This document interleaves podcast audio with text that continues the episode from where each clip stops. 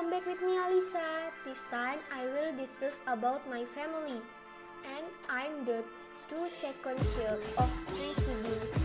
I have one older brother and one young brother. My mom has a job that is an employee, whereas my father had been a long time. So that's it about, about my family. So